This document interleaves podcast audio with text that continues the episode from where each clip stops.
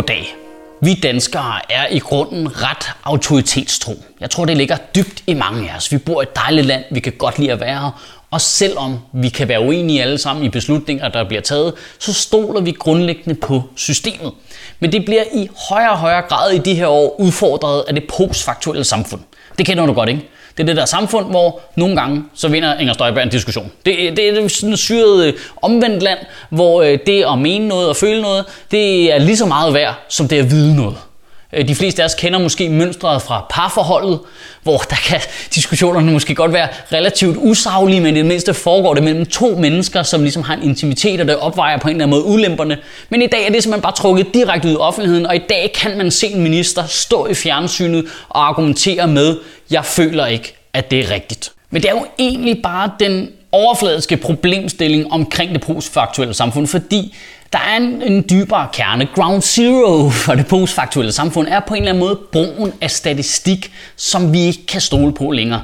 Altså man bliver så træt i ansigtet. Alle, der har fulgt med i de her videoer, har set diskussionerne under øh, tidligere videoer, er stødt på det. Folk, der deler statistik, der bare underbygger deres eget lille hjørne af virkeligheden. Øh, altså typisk så er det noget med, at ah, alle muslimerne kommer og dræber os og indfører kalifatet, og uden at jeg har noget statistik, der kan modbevise det på en nogen måde, så kender jeg jo Mohammed og mit indtryk er, at det får de sgu ikke taget sig sammen til. Pointen er, at meget af den statistik kan I ikke bruge til noget. Langt det meste af det statistik, I ser blive delt her på Facebook, det er simpelthen forkert, fordi man bare vælger at frame det i forhold til ens eget argument.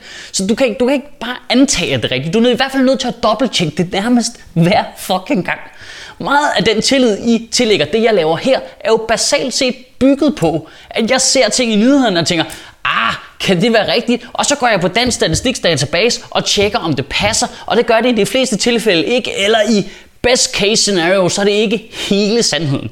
Og det er jo bare vildt vigtigt at huske på. Og det er også vildt vigtigt at huske på, at alt hvad jeg siger her, det er heller ikke nødvendigvis rigtigt. Jeg er kun mig for helvede. Altså, jeg kan sagtens lave fejl. Det er vigtigt, at du også dobbelttjekker de ting, jeg siger. Og der kom et glimrende eksempel på, hvordan statistik og beregningsmetoder kan bruges til at fuske med i den her uge. Og nu bliver det altså lige de næste minut, der bliver det fucking kedeligt. Altså en insanely kedeligt, og du vil have lyst til at scrolle direkte ned til nogle af de venner, der har delt videoer med geder, der lyder som børn, eller pandaer, der nyser, og du skal lade være. Du skal koncentrere dig, så skal du blive her, og bagefter, så er der en belønning. Finansministeriet har nemlig ændret den regnemetode, man bruger til at udregne Danmarks indtægter på Nordsøolien. Førhen har man normalt gjort det, at man simpelthen tager den gældende oliepris, og så regner man ud, hvis vi sælger så så meget olie, hvor meget tjener vi så, hvor mange penge kommer der ind i statskassen. Det man har valgt at gøre, det er, at nu korrigerer man ikke for, at olieprisen er faldet. Altså olieprisen er faldet, og man beholder simpelthen bare den gamle prissætning på olie og siger, at vi kommer sikkert til at tjene så mange penge her ud fra den gamle pris. Argumentet for det er, at når ja, men oliepriserne kan jo svinge op og ned, så de svinger der sikkert øh, op igen på et tidspunkt. Så vi har indført flere penge i budgettet, end der egentlig står til at komme ind nu, men i et håb om, at olieprisen stiger, så vi får dem ind. Og det er jo egentlig objektivt set et ret sindssygt sats. Hvorfor overhovedet gør det? Og det er her, det bliver super sparet, og Claus Hjort Frederiksens briller begynder at dukke. Fordi efter finanskrisen forpligtede Danmark sig til ikke at have et større underskud på den strukturelle saldo, som det hedder. Det er et ord, der er lavet for at forvirre dig. Det betyder på budgettet. Vi må ikke have et større underskud end 0,5 procent. Og nu bliver det tricky. Hvis vi regner ud fra den oprindelige metode med den gældende oliepris, så overholder Danmark ikke den regel. Så har vi et større underskud på den strukturelle saldo end 0,5%. Men Wupti, wupti, wupti. Hvis vi lige laver en ny regnemetode, bruger den gamle pris på olie, lige tager den store magiske lommeregner, så går det op.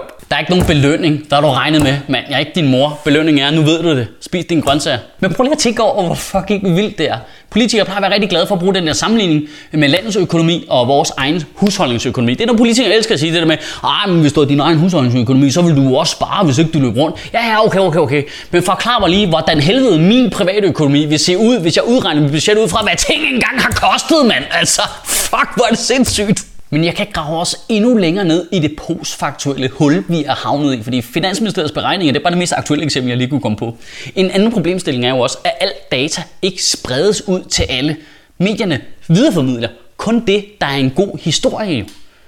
I de forgangne måneder har Sønderlands politi øh, i flere tweets på Twitter, øh, ja selvfølgelig har tweets på Twitter, hold kæft, det er, bare, det er bare fordi, jeg ved, at der er folk på 50, der sidder og kigger med her. Jeg vil bare lige være stensikker på, at I var med på, hvad der foregik. Og så er jeg med på, at folk på 20 de sidder og kigger på mig nu og tænker, hvad er du idiot eller hvad? Jeg kan sgu da ikke gøre for dig så stor adspredning på det her lort, mand. Hold kæft. På Twitter, Sønderjyllands politi har simpelthen måttet skrive ud på Twitter, fordi at alle deres, alle deres data, al deres statistik viser, at der ikke er nogen stigning i nogen former for kriminalitet rundt omkring asylcentre.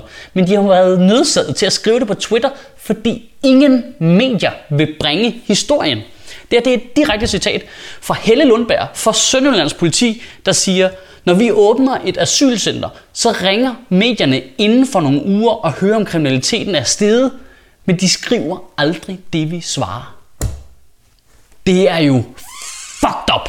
Så hvis politiet ikke gider give et svar, der skaber grobund for en artikel, der handler om noget konflikt, så gider journalisterne ikke bringe den, eller hvad? Det, det er det mest sindssyge, jeg nogensinde har hørt om. Det hjælper virkelig ikke på mit grundlæggende fucking had til journalister. Og I skal vide, hvor svært det er at være en, der lever af at lave stand-up, hvor en del af mit job jo er at blive interviewet af journalister, når jeg skal lave PR for shows, og bare sidde der og smile og nikke, mens jeg tænker, jeg håber, du dør, jeg håber, du dør, jeg håber, du fucking dør, mand. Okay, okay, okay, det var lidt meget. Men det er bare så fucking frustrerende, at vi ikke kan stole på tal, der kommer fra vores officielle statslige ministerier, og vi kan ikke stole på, at politikerne fordeler al dataen til os. Det, altså, jeg kan slet ikke se, vi er totalt fanget i det her postfaktuelle samfund. Vi kan ikke gøre noget, for de lyver bare. Der er ikke nogen, der retter der. Det er bare... Pff. Et, et andet sted, hvor det postfaktuelle samfund også bare er eksploderet, er i den her diskussion omkring indvandrere. Altså, det, det stikker helt af jo. Jeg, jeg læste en bog for nylig af en tidligere ansat i udlændingsservice, som hedder Jarn Broberg. Han har lavet en bog, der hedder Nydansk, og nu læser jeg lige noget statistik op for den, for han har bare samlet data, fordi han ikke synes, at det, han stødte på i sit arbejde, det matchede med det mediebillede, der var. Her er bare basal data, hvor han har taget nydansker og sat dem op over for gammeldansker. 97,3 procent af alle nydanskere er ikke kriminelle. Det samme gør sig gældende for 98,8% af gammeldanskerne. 90% af nydanskerne bor ikke i en ghetto. Det samme gør sig gældende for 99% af gammeldanskerne. 52% af nydanske kvinder trækker læsset i hjemmet. Det er kun 45% for gammeldanskerne. 87% af nydanske forældre deltager i forældremøder på skolerne. 88% af gammeldanskerne. 71% af nydanskerne er ikke på overførselsindkomst. 83% af gammeldanskerne er ikke på overførselsindkomst. Og det er ikke kun positiv statistik, der er også noget negativ statistik. For eksempel er kun 33% af nydanske unge mellem 20 og 24 i gang med en videregående uddannelse. Men det er også kun 36% af gammeldanske unge i samme målgruppe, der er i gang med en uddannelse. Og det er jo lige sørgeligt for begge grupper. Man prøver bare lige at tænke et kort øjeblik, hvor sindssygt anderledes et billede det her det giver, end det du får i medierne. Eller det, som politikerne giver dig. Altså, de rammer jo ikke engang skiven, når de skal lave et billede. De står bare med deres fucking bue og skyder i alle mulige andre retninger. Bare sigte efter, hey, der er en brun fyr. Puff. Og det er lige vigtigt retfærdigvis at nævne, at alle de her data har jeg så stjålet direkte fra Jørgen Brobergs bog, der hedder Nydansk. Jeg kan virkelig anbefale at læse den. Øh, den kommer til at springe din hjerne. Altså, det er, det er så stenet at læse. Det er virkelig nuanceret, de billeder. Og det betyder ikke, at du ikke også skal være kritisk over for det. For eksempel så har Jørgen lavet en ting i forhold til kriminalstatistikker, hvor han har taget og fjernet øh, trafikforseelser fra øh, resten af kriminalitetsbilledet. Fordi det er lidt det der problem med kriminalstatistikker. De blander, du ved, mor og kører over for rødt lys ind i samme statistik. Nu skal jeg huske at være retfærdig over for statistik også. Det gør de faktisk ikke, men når statistikker kommer i hænderne på retarderede journalister, der ikke gider læse det hele, så gør det. Så det er også vigtigt at være kritisk over for det, øh, fordi det er jo ikke sådan, at det er irrelevant, at øh, flere brune dudes i 20'erne, de kører vanvittigt i deres bil. Pointen er bare, at du kan ikke stole på noget som helst. Det er 0% af det data, medierne videregiver, du kan stole på. Det er måske også en statistik, jeg har hævet ud af røven, men pointen er, at du godt ved, hvad jeg snakker om. I ugen, der kommer, der synes jeg, at du skal lege en sjov leg derhjemme. Fordi Justitsministeriet har lige øh, udgivet sin årlige offerundersøgelse for 2015. Det er basically en kriminel statistik, øhm, hvor vi kan se, hvor mange danskere, der har været udsat for kriminalitet af alle mulige forskellige slags. Og den viser, at vi endnu engang har historisk lav kriminalitet i Danmark. Der har simpelthen aldrig nogensinde været mindre kriminalitet, end der er lige nu. Øh, og det er det samme billede, øh, man havde i 2014, men det er simpelthen fortsat ind i 2015.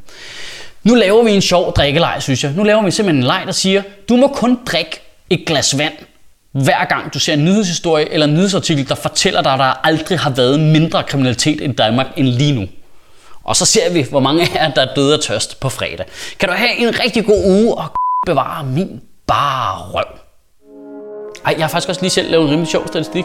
Øh, det er faktisk, jeg har, jeg har simpelthen undersøgt det. Jeg har tjekket op på det. Og i 100% af de tilfælde, hvor nogen i en diskussion på Facebook skriver, fakta er, så er det kæmpe store douchebags. Nå ja, mit stand-up show Ytringsplit kan downloades på michaelschødt.dk for kun 30 kroner. Det vidste du godt. Du vidste det godt, du gjorde. Hej, har du lyst til at støtte vores crowdfundede komedieserie? Ja, det har du faktisk.